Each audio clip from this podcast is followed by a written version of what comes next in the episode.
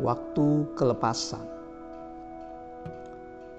Yesaya 51 ayat 4 sampai ke 5. Perhatikanlah suaraku, hai bangsa-bangsa, dan pasanglah telinga kepadaku, hai suku-suku bangsa.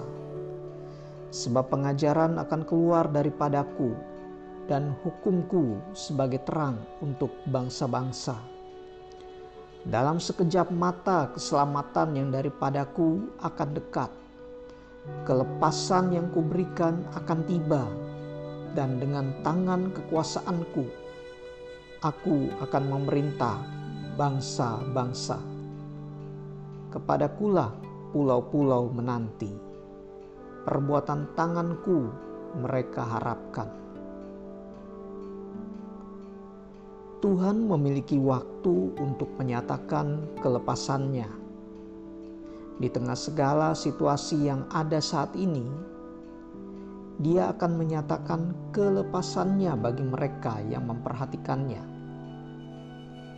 Semua bangsa sedang mengalami kegoncangan, tetapi di saat mereka memperhatikan Tuhan, maka sebenarnya kelepasan itu terjadi.